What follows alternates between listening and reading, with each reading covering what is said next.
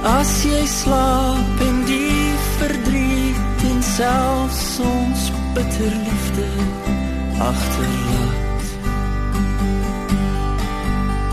As jy maar weer argeloof TV kyk net voor jy gaan slaap het beslis 'n baie negatiewe impak op ons slaappatroon. Dit kan die kwaliteit van jou slaap belemmer asook die lengte van jou slaap. Die grootste rede hoekom TV kyk so groot impak op jou slaap het, is dat dit ons melatonienproduksie affekteer.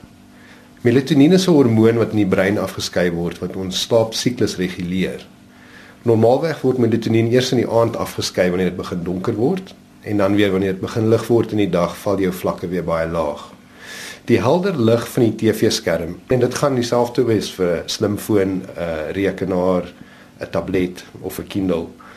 Daai skerm skyn of straal 'n spektrum van blou lig af. En daai blou lig het die grootste impak op jou melatonienproduksie wat jou melatonien vlakke dan laat val.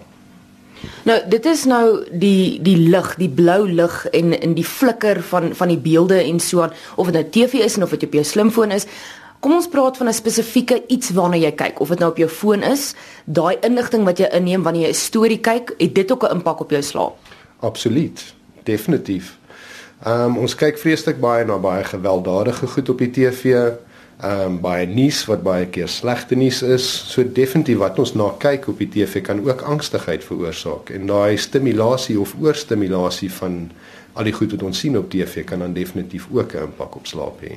Ek gaan nou uh, vir algemeen sê meeste van ons kyk televisie of is op jou foon net voordat jy in die bed klim. Dis seker net maar ons ons nuuskierigheid om te weet wat aan die wêreld aangaan. Daar's soveel stories om na te kyk. As jy nou iets moet kyk, wat sal jy voorstel moet mens kyk?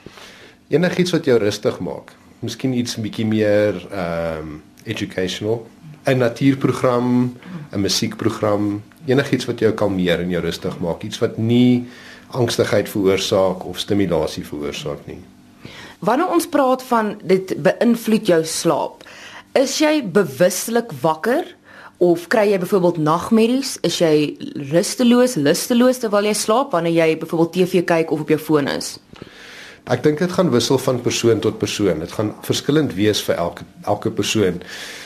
Dit kan jou wakker hou as jy te laat in die aand sit en TV kyk en daai skerp blou lig het jou melatonien vlakke so geaffekteer, kan dit jou stop of keer om in die slaap te raak. So jy gaan slaaploos wees, sukkel om in die slaap te raak.